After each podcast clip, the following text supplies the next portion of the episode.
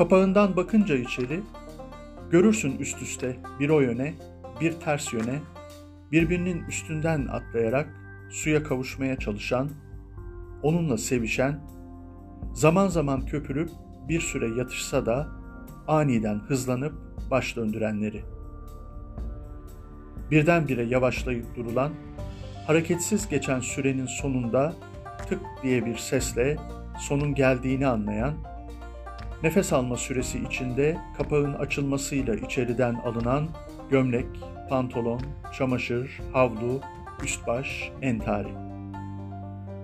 Yaşam içinde sürekli kirlenip, temizlenme döngüsünde eskiyen, taze, temiz kalabileceği ümidiyle yeni bir yaşama geçmeyi bekleyen insan misali.